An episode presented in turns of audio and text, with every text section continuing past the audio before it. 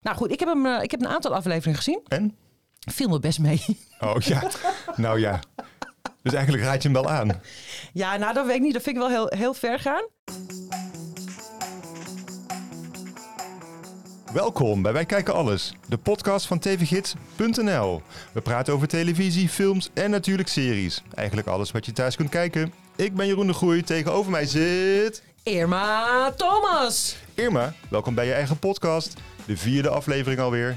De tijd vliegt. We gaan zo beginnen, maar eerst nog even dit. Deze podcast wordt opgenomen in Not My Studio in Hilversum. Hey Irma, de afgelopen week hebben alle analisten mij teleurgesteld. Hè? Mhm. De oorlog in de Oekraïne liep compleet anders dan verwacht. De verkiezingen in Amerika was een complete verrassing. Jij bent de enige kenner die ik nog vertrouw. Ja, dat doet me heel erg goed om te horen. Hey, maar toch, jij zat dus deze week op het documentaire festival in Amsterdam.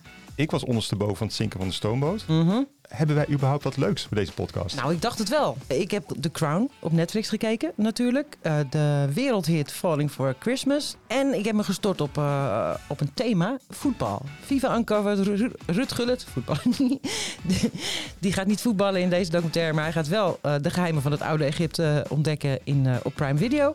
En ik heb Save Our Squad with David Beckham gezien. Dus genoeg. En ik heb nog wat eh, fun facts meegenomen over Starship Troopers. En laten we beginnen met kort nieuws. Dat is goed. De grote Netflix-hits The Watcher en Monster, de Jeffrey Dahmer story, krijgen vervolgen. Ja, ik keek er nogal van, van op eigenlijk. Eh, want The Watcher is een totaal eh, afgerond verhaal. Ook nog echt gebeurd. Zoals het afliep in de serie in, het, in dat eerste seizoen, zo liep het ook in het echt af. Dus wat ga je dan in seizoen 2 vertellen? The Watcher 2. Ja.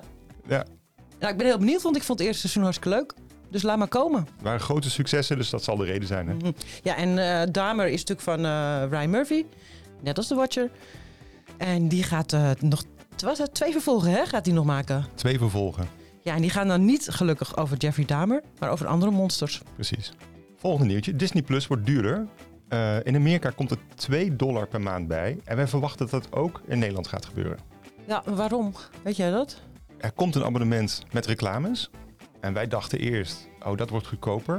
Nou, dat gaat dus niet gebeuren. Dat blijft dezelfde prijs. En het abonnement zonder reclames wordt duurder. Maar dat is toch een rotstreek? Ja, is jammer hè? Ja, nee, maar echt. Eh, ze doen het voorkomen alsof je dus met de reclame minder gaat betalen, maar dat is niet zo. Precies andersom. Ja. Ja. Dus waarom doen ze... Ja, ik snap... Ze komen zeker geld tekort, of niet? Eh, ik weet niet of Disney geld tekort komt, maar ze willen altijd meer. Oké. Ik ook zelf wel, eigenlijk. Dus ik snap het wel. Precies. Ik ga mijn prijs ook omhoog gooien. Dit was dan ook meteen het einde van de podcast. We hebben ook nog een korte update eh, over de Nederlandse Netflix-film The Takeover. Die Ja, heb jij, ja, die heb- wacht jij mij even, ge- die heb jij in de vorige podcast volledig neergezabeld. Iedereen die dat wil horen, die moet even naar aflevering 3 kijken, terugluisteren.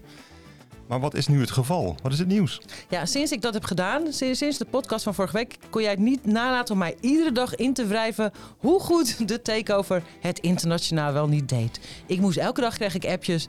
Hij staat in 90 landen in de 190 landen in de top 10. Het is de best bekeken niet-Engelse film aller tijden. Ik overdrijf nu een beetje, maar, een beetje? Ja. maar hij deed wel heel goed. En ik snap er niks van. Mijn broek zakt er vanaf. Hij doet het. Deed hij nou beter nog dan in Westen niet Nooiers? Een vlak daaronder. Nou, godzijdank. Het zou helemaal gênant zijn. Wereldwijd Nederlands succes eh, in 90 landen in de top 10. Maar eh, dat maakt die film niet beter. Nee, kan maar ik je wel, melden. maar wel Heb al be- heb jij hem al bekeken? Nee, ik, ik, jij bent de enige analist die ik vertrouw. ik, eh, ik begin er niet aan. Door naar de reviews. De grote serie van dit moment. Op Ja, Netflix, The Crown. Natuurlijk The Crown, waar iedereen heel lang naar heeft uitgekeken. Het vijfde seizoen. En we zijn nu beland in de tijd die velen van ons eh, zelf ook hebben meegemaakt. De jaren negentig. Ja, het verschrikkelijke jaar hè, voor het Koningshuis. Het Engelse Koningshuis. Het annus horribilis. Precies. Vind ik leuk om te zeggen. In light of the events of the last 12 months, perhaps I have more to reflect on than most. The royal family is in genuine crisis. Have royal scandals damaged the country's reputation? Heb jij al eens een anne- annus horri- horribilis meegemaakt in je eigen leven? Eh, nee, ik hoop ook niet dat dat nog komt. Nee, ik, ik eigenlijk ook, niet. Nee. Misschien als ik, als ik doodga nog dit jaar, dan is dit een Annis Horribilis voor mij. En voor ons. Natuurlijk. Ehm, ja, er gebeurde. Iedereen, alle kinderen van Elisabeth gingen scheiden. Is natuurlijk helemaal not done eh, als je van koninklijke bloeden bent. Maar eh, sinds de jaren negentig wel, want ze deden het allemaal. Charles, Andrew, Anne, allemaal gescheiden. Het eh, Buckingham Palace vloog in de brand. En ik, ik kon me niet herinneren dat er zo... Maar in de, in de serie zag je een enorme brand. Een half paleis lag in puin. Oh, serieus? Ja, joh. En je had natuurlijk de befaamde foto's van Fergie. Fergie? Fergie, Fergie.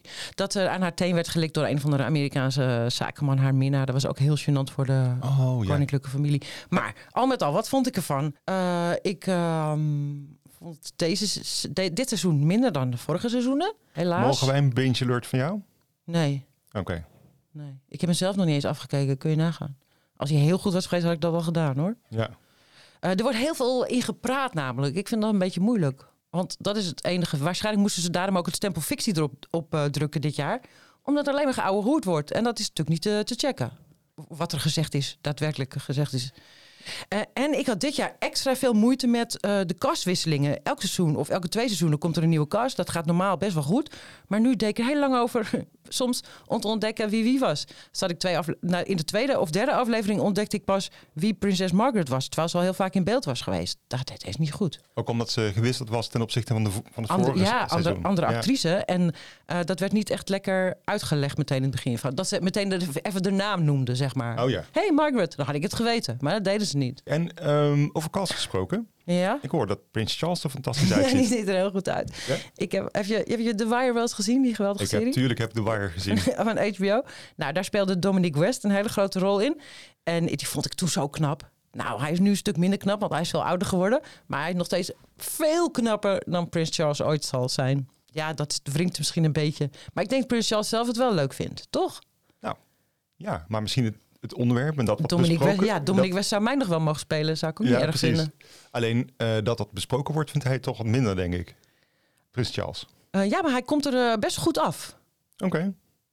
Al- alleen in de eerste aflevering niet, is een beetje machtsbelust. Maar daarna komt hij er goed af. En ik ben ook wel blij, want prinses Diana was in seizoen 4 heeft ze alleen maar gehuild en gezeurd. Nu blijkt ze ook humor te hebben en een beetje filijn Ah. te zijn. Dat vind ik leuk. Ik zit net te bedenken. Dus die, jij zegt dat scheiden, dat doen ze niet. Maar dat is toch de hele reden dat de Anglikaanse kerk bestaat. Is dat de koning ging scheiden toen. Is toch een lange traditie? Kijk, dat weet jij dan weer. Ja. Maar het is, het is niet eh, lekker. Nee. Elisabeth zei, ja, doe maar. Ga maar lekker scheiden. Maakt mij niet uit. Nee, zo ging het niet. En ik vond het dus, want dat zei ik dus, ik vind dus, eh, eh, eh, je, dit ligt allemaal vers in het geheugen nog. De, hele, de dood van prinses Diana. eh, alles wat daaromheen gebeurde, dat hele huwelijk.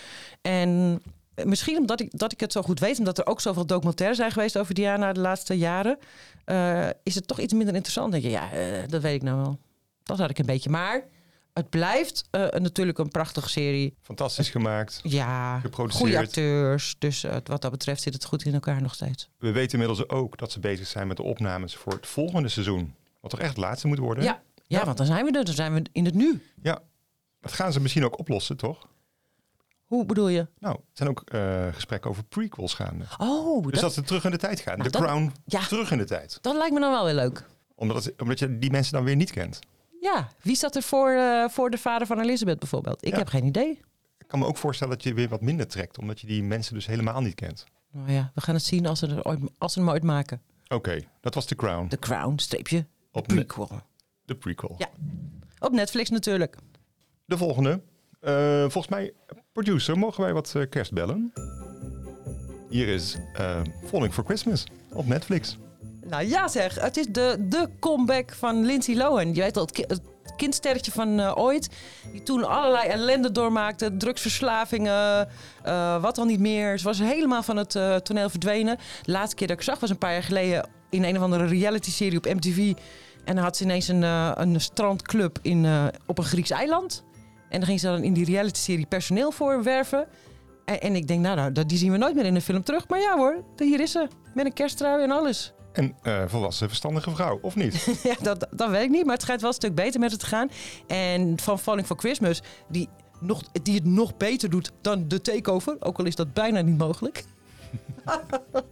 Eh, speelt zij eh, een hele verwende erfgename die haar geheugen kwijtraakt bij een ski-ongeluk. En dan Oh. komt ze terecht bij een, eh, in, een, in een heel bescheiden lodge van een weduwnaar met een heel lief schattig dochtertje. En natuurlijk worden ze dan verliefd. Dit was wel een spoiler, maar ik denk dat iedereen die wel zag aankomen.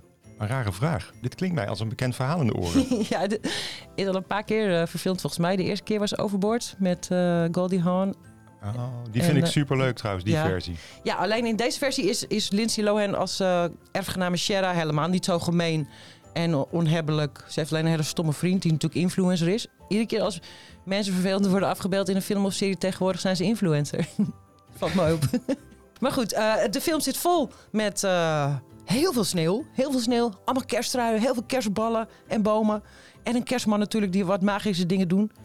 Was het in dit geval een beetje raar, maar goed, daar kijken we overheen. Eh, dus het is de ideale kerstfilm. De eerste helft vond ik nog wel vermakelijk. De tweede helft wat slaapverwekkend.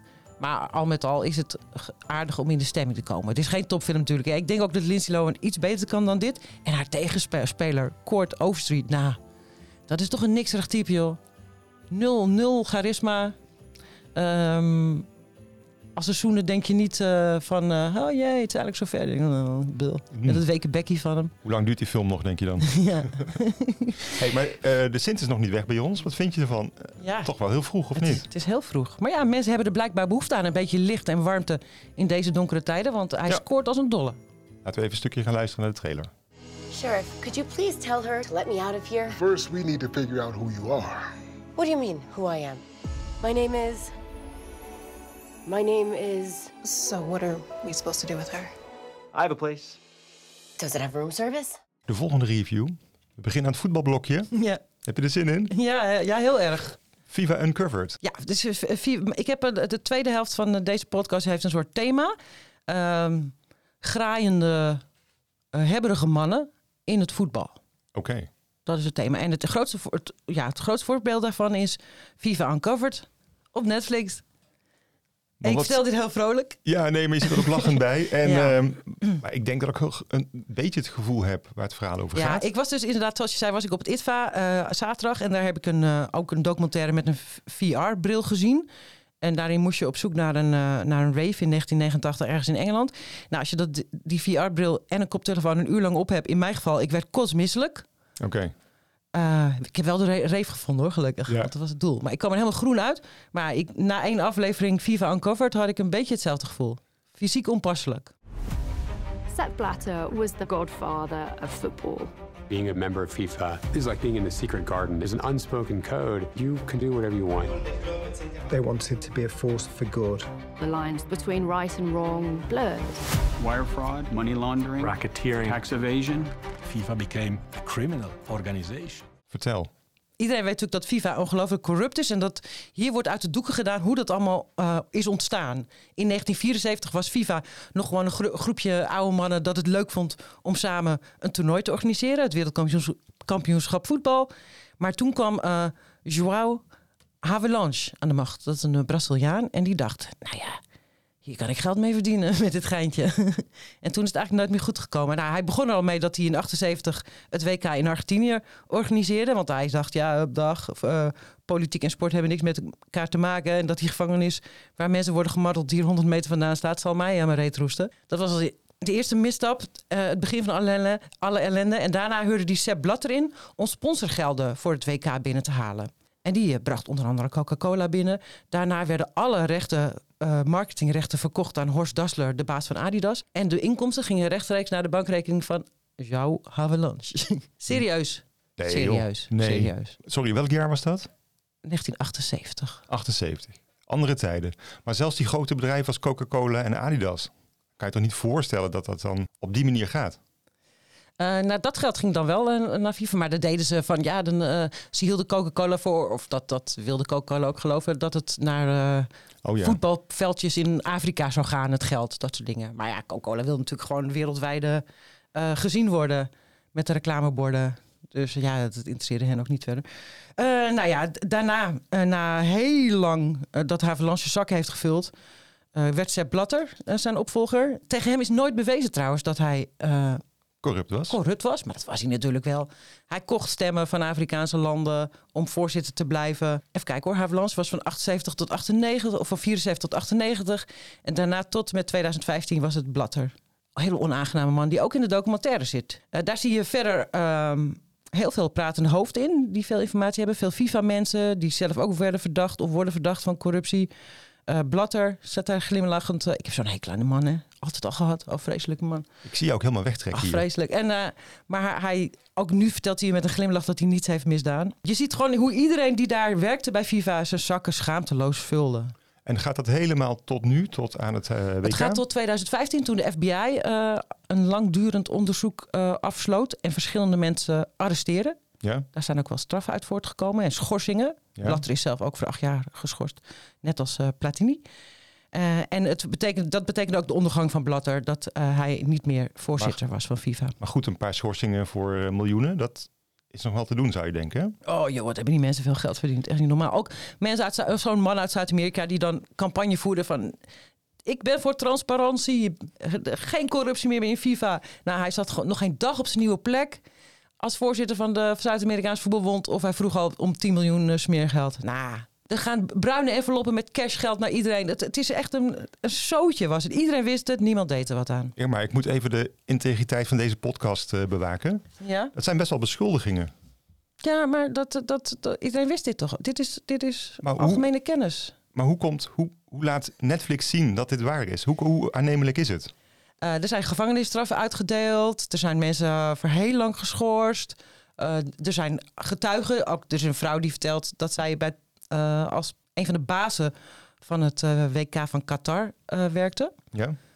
En zij vertelde ook dat er betaald is. Dus eigenlijk, Heel veel geld vanuit Qatar naar allerlei landen om een stem binnen te halen. dus eigenlijk heeft Netflix heel veel getuigenissen en getuigen die vertellen ja, over... maar de- deze, dat is ook, die vrouw is vervolgens ontslagen. Die, die werd toen bedreigd, heeft, heeft alles weer ingetrokken. Maar nu zegt ze, ja, natuurlijk was het zo. Dat klinkt niet als één aflevering. Eh, het waren er vier. Ja? Dus dat is makkelijk te doen. En ik ging er eh, heel, heel rap doorheen. Dus ook hier wil ik wel een pinch alert voor. Irma, we hebben weer een nieuwe rubriek. Nou ja, Ja. elke week raak. Nee, en deze komt ook weer niet elke week terug. Maar we gaan hem wel vaker terug laten komen. Het is Fun Facts. Vijf fun facts over een leuke film of serie. En dat doen we ook om even een klassieker in het zonnetje te zetten. Deze week Starship Troopers. Omdat het 25 jaar geleden is dat de film verscheen. En de film nog steeds gewoon te zien is op Disney+. Plus. En omdat Paul Verhoeven jouw idool is. Ja, wel een beetje mijn idool. Hij is natuurlijk de maker van Spetters en De Vierde Man en Soldaat van Oranje. Maar hij is eigenlijk een beetje Nederland uitgejaagd hè, in de jaren 70, jaren 80. Vanwege zijn wansmaak en zijn seksisme en zijn geweld. En toen moest hij wel in Hollywood aan de slag. Ja, en daar is hij gewoon echt su- super succesvol geworden. Bijvoorbeeld met Robocop en Basic Instinct, die kennen we allemaal. En Starship Troopers. En Showgirls, een van mijn favorieten. Hey Showgirls, jouw favoriet. Maar ik weet dat jij deze film onlangs ook gezien hebt, hè? Ja, gewoon op tv met reclame tussendoor. En ik bleef toch zitten. En? Ja, vond het hartstikke leuk. Hey, Ik had hem nog nooit helemaal afgezien, alleen maar stukjes. Speciaal voor jou vijf fun facts, deze aflevering. Kom maar op. Maar heel even kort verhaal voor de mensen die de film nog niet kennen. Het is een echte science fiction film. Hè? Het gaat eigenlijk in grote lijnen over een soort van insectenras uit de ruimte dat de mensheid aanvalt. En de mensheid trekt dan ten strijde eh, de ruimte in met grote ruimteschepen en heel veel mitrailleurs om al die insecten te verslaan. Dat is een basically dat is het gewoon eh, de basis van het verhaal. Oké, hier gaan we. Fun fact 1. Starship Troopers was een grote flop in de bioscoop. Maar vooral het Amerikaanse publiek hè, wist daar helemaal geen raad mee. Wat Verhoeven deed, het was ook een satire namelijk. Soms satire, soms een actiefilm en soms een heel subtiele comedy. Wat Verhoeven deed, is een beetje die Amerikaanse leger, dat Amerikaanse vechtmentaliteit, combineren met uniformen en beelden en overtuigingen die de nazi's hadden in de Tweede Wereldoorlog. Nou, dat trokken de Amerikanen helemaal niet en ze wilden niet naar de bioscoop. Je ziet bijvoorbeeld een adelaar in beeld. En Eh, van die lange leren SS-jassen. lange leren SS-jassen. Om dat nou te combineren met het militarisme van de Amerikaanse samenleving, dat viel heel slecht. Wat er gebeurde is, hij wilde eigenlijk twee delen maken, maar de tweede deel kwam er nooit. Dus dat wil eigenlijk zeggen dat het, einde van dit, deze Starship Troopers eindigt eigenlijk niet op de hoofdplaneet, niet met het verslaan van, het, eh, van de tegenstander, maar eigenlijk met een, nou, een B, als een B-hoofdstuk. De rest is er nooit gekomen. Later werd deze film een cult classic en kwamen er toch vervolgen. Moet jij eens even raden hoeveel? Ik wist, ik wist niet eens dat er één vervolg was. Laat staan nog meer. Twee animatieseries gemaakt, Oh, vier films en zes videogames. maar die heet ook allemaal Starship Troopers. Ja, Dus wat het publiek eerst niet wilde, wilde het later wel. Nou, fun fact 2. Starship Troopers is gebaseerd op een heel oud boek van Robert Heinlein, uit 1959. Het boek wordt wel beschouwd als een heel slecht boek. En Verhoeven heeft er ooit geprobeerd het te lezen. is niet gelukt. Uiteindelijk is de film wel heel goed geworden. Dus wat mij weer bewijst, het kan toch gebeuren. De film is beter dan het boek. Maar waarom wilde die er toch een film van maken als het boek zo slecht was? Nou, het scenario was, uh, beviel hem heel goed. En het is geschreven door de schrijver van Robocop. Ah, En Robocop heeft ook een beetje diezelfde eh, toekomstkritiek. Zit daar ook in. Ik denk dat hij daar goed mee uit de voeten kon. Fun fact 3. De jongere generatie, jonger dan ons, die kent Starship Troopers ook. Maar dan van een meme van internet. Er is een scène in de film, hè? ik weet niet of je dat herinnert. Uh, er staan allemaal soldaten op een rij. En de ene naar de andere stapt in een commercial. Die stapt naar voren en die zegt... I'm doing my part. Nou, dat is dus een meme. En misschien kunnen we even luisteren naar de scène. Young people from all over the globe are joining up to fight for the future. I'm doing my part. I'm doing my part. I'm doing my part. I'm doing my part too. They're doing their part. Are you? Join the mobile infantry and save the world. Herinner je het? Ja, zeker. Dat is een gevleugelde internet-uiting uh, geworden. Fun fact 4. Beetje wetenschappelijk, maar dit is een science fiction film. Uh, de Arachnids, dat is het vijandelijke volk hè, dat verslagen moet worden. Die uh, insecten allemaal. Ja, maar Arachnids, dat zijn spinnen. Achtpotige. En ik heb zitten tellen, de meeste beesten hebben zes poten. Dus eigenlijk zijn het gewoon insects en helemaal geen arachnids. En, uh, is het een foutje? Ja, dat weet ik niet. Phil Tippett, de man van de, uh, de special effects van Star Wars en van Jurassic Park, heeft hier een Oscar-nominatie voor gekregen, voor deze special effects. Maar misschien omdat hij zich verrekend heeft in het aantal pootjes, dat het nooit een echte Oscar is gewonnen. okay. geworden. Nou ja, en als je dus eigenlijk, hoe heet dat officieel, een arachnofobie hebt, dus bang bent voor spinnen, dan kan je deze film best kijken, want er zitten gewoon hele grote insecten in. Ja, groot en nog groter. En gevaarlijk. Fun fact 5, die zal je ook wel aanspreken. Het gaat over Verhoeven, die uit de kleren gaat op de set. Er zit een, uh, een scène... Nou, ik kan me herinneren dat er onwijs veel bloot is, mannen en vrouwen. Ja, precies. Maar er zit ook een scène in dat ze allemaal onder de douche staan. Mm -hmm. Alle soldaten, het leger staan onder de douche, gezamenlijk blote douchen, zoals dat gaat ook na een sportwedstrijd. Hè? Alleen in dit leger dienen mannen en dienen vrouwen. Dus ze moeten allemaal gewoon samen gemixt onder de douche. Hele knappe cast, allemaal hele knappe jonge Amerikaanse acteurs en actrices. Die hadden er echt helemaal geen zin in om in een naki met elkaar voor de camera te gaan staan. Nou, daar kan je Verhoeven nog niet. Zegt, oké. Okay. Hij gooide zelf ook zijn kleren uit en ging er gewoon piemelnaakt tussen staan. En zijn cameraman deed precies hetzelfde. Die was geboren in een nudistenkolonie. Is het Jan, eh, niet Jan de Bond? Nee, dat is niet Jan oh. de Bond. Dat was Jost Volcano. Sorry, kun je geboren worden in een nudistenkolonie? Als je ouders, als je ouders uh, bloot zijn, word je ook bloot geboren. Okay. Wij zijn gewoon geboren met kleren aan. Ja. Maar uh, nudist, ja, bij de nudist is dat anders. Dus uh, zij ging uit de kleren en je raadt het nooit. De kast ging ook uh, knarsen tandend, deden ze mee. Ja, nee, het, het, ik vond het wel een, misschien dat je tegenwoordig mi minder ziet.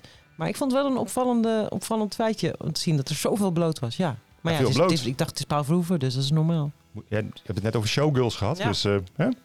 Starship Troopers, nu 25 jaar oud. Te zien op Disney+. Plus. Ik vond het een toprubriek, Jeroen. Ik ben dol enthousiast. Ga het vaker doen? Jazeker. Oké. Okay. Gaan we dan nu door met de hebberige mannen?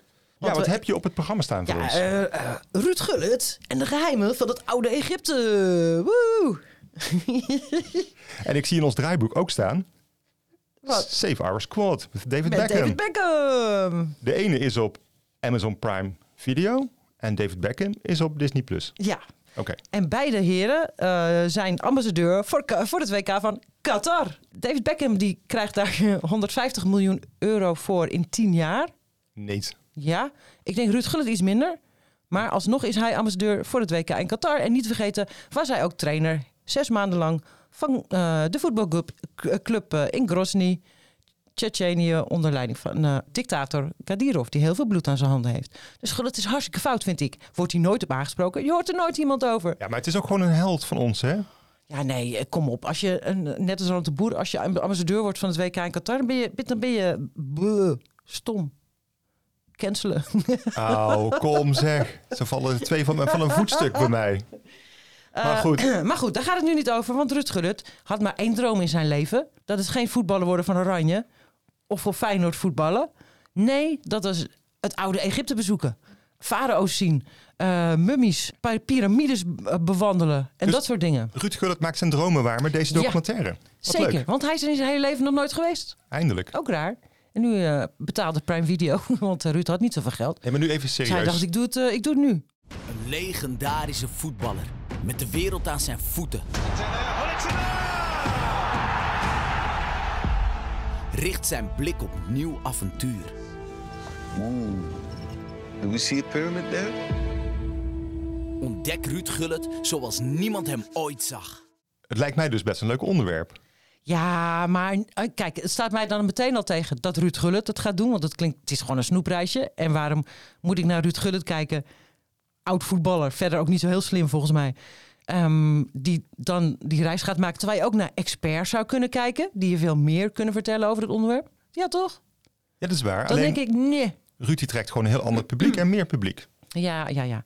Dat, uh, dat zal het ongetwijfeld zijn. Nou goed, ik heb, hem, uh, ik heb een aantal afleveringen gezien. En? Viel me best mee. Oh ja, nou ja. Dus eigenlijk raad je hem wel aan. Ja, nou dat weet ik niet. Dat vind ik wel heel, heel ver gaan. Uh, maar hij wist uh, inderdaad, je merkt dat hij er inderdaad veel van af weet. weet. Dus dat, dat, is niet een, uh, dat is niet een gimmick of zo. Hij heeft er duidelijk veel over gelezen. Hij is echt een affectionado. En het grote voordeel aan Ruud Gullit is, hij is, ik weet niet wat overal ter wereld is, maar in Egypte is hij een absolute koning. Hij hoeft zijn hoofd maar te laten zien. Iedereen doet alles open voor hem. Hij mag na sluitingstijd het Nationaal Museum in Cairo binnen.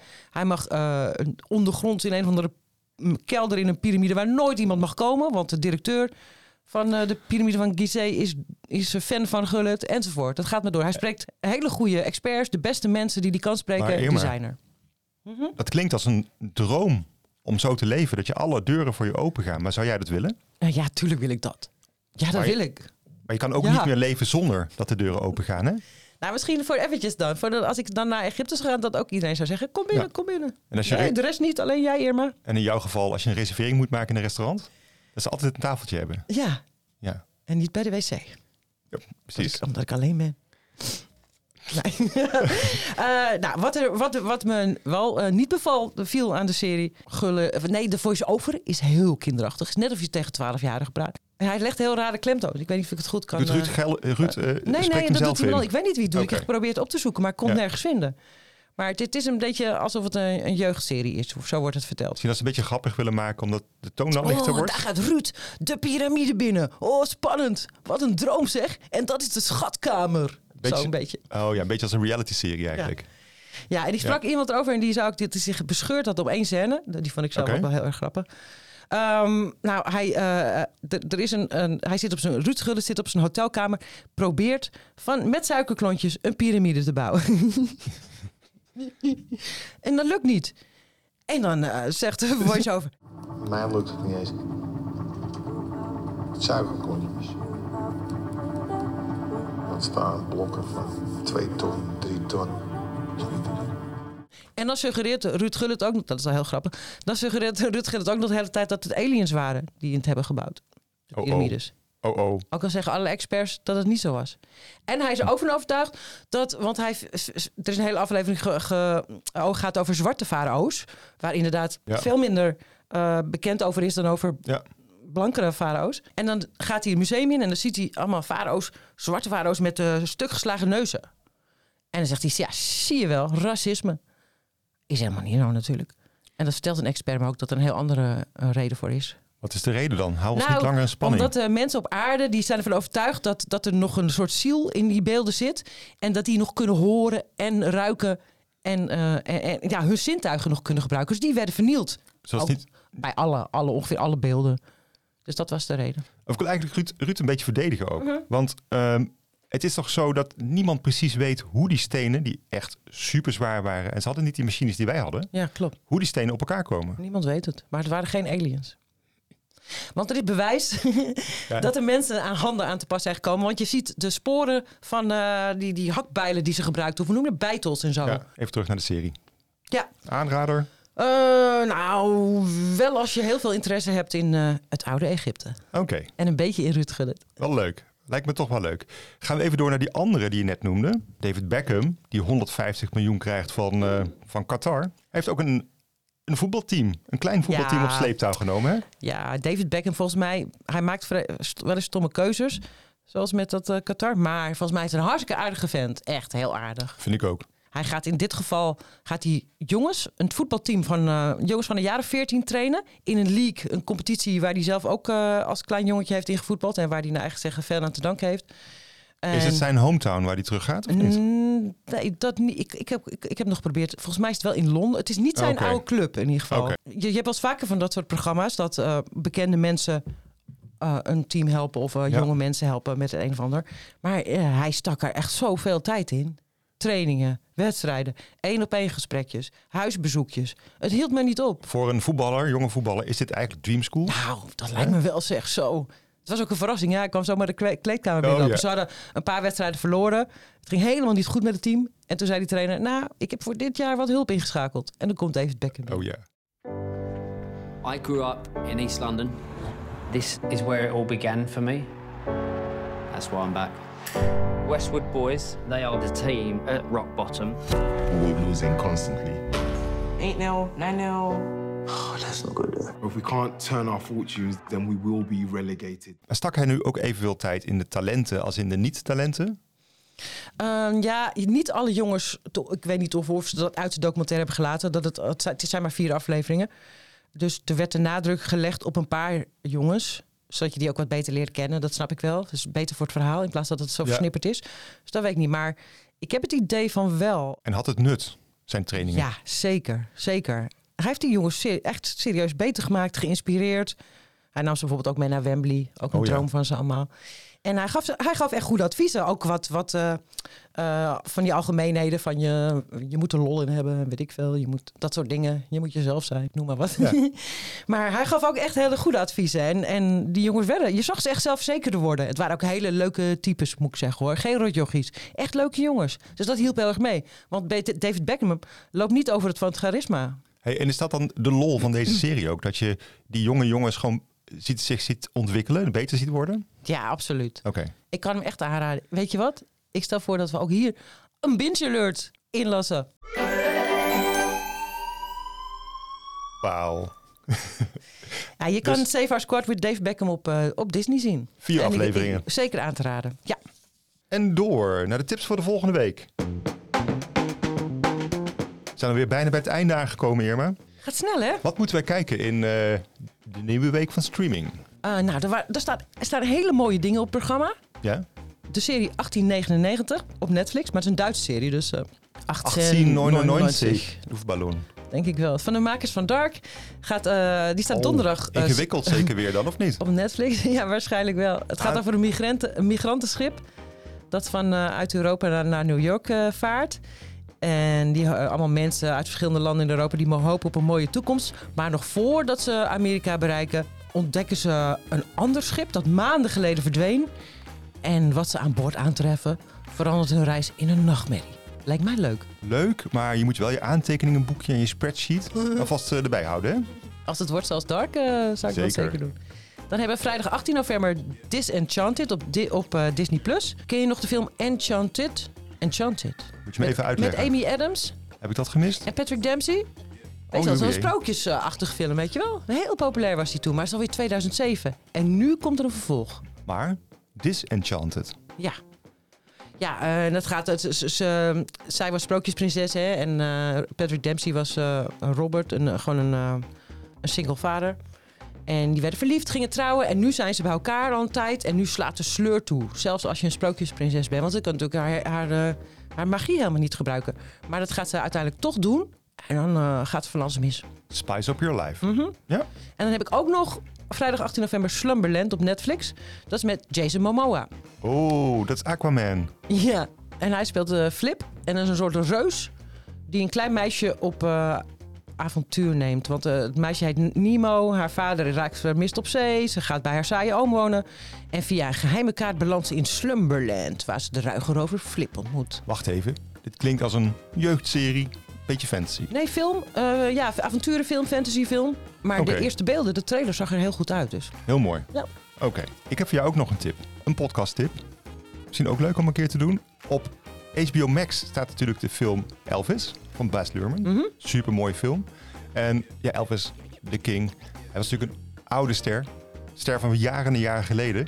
En als je nu naar de film kijkt, dan zou je misschien kunnen denken... oh, net als influencers, kon hij wel echt wat. Heb ik nog nooit gedacht, gek Nee. genoeg. Maar dat komt omdat jij de muziek ook wel eh, goed kent, denk ik. Nou, dit is een podcast. Leo Blokhuis maakt altijd podcasts over de top 2000. En die, deze gaat over de comeback van Elvis in 1968. Dat is super leuk om naar te luisteren. Dan hoor je hoe ontzettend goed hij was. En dan hoor je ook waar Nicolas Cage al zijn inspiratie vandaan haalt. Het is gewoon letterlijk Elvis uit 1968. En Nicolas Cage, als hij zingt of... eh, Praat? oh, praat? Ja? Oh, wauw, oké.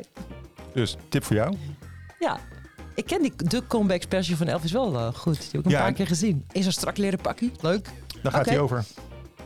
En ik vond het een mooie dubbelbil met, eh, met de film. Dit was het weer, de wekelijkse podcast van tvgids.nl. Wij kijken alles, zodat jij dat niet hoeft te doen. We proberen ons te beperken tot pakweg een half uur, soms iets meer.